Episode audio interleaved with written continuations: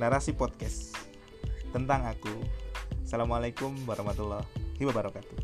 Halo semuanya, perkenalkan nama saya Aditya.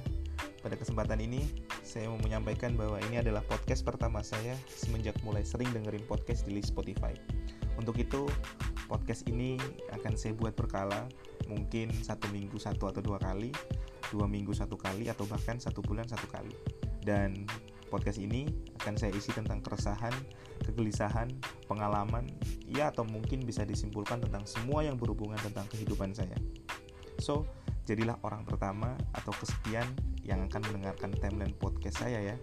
Sekian, terima kasih. Saya Aditya.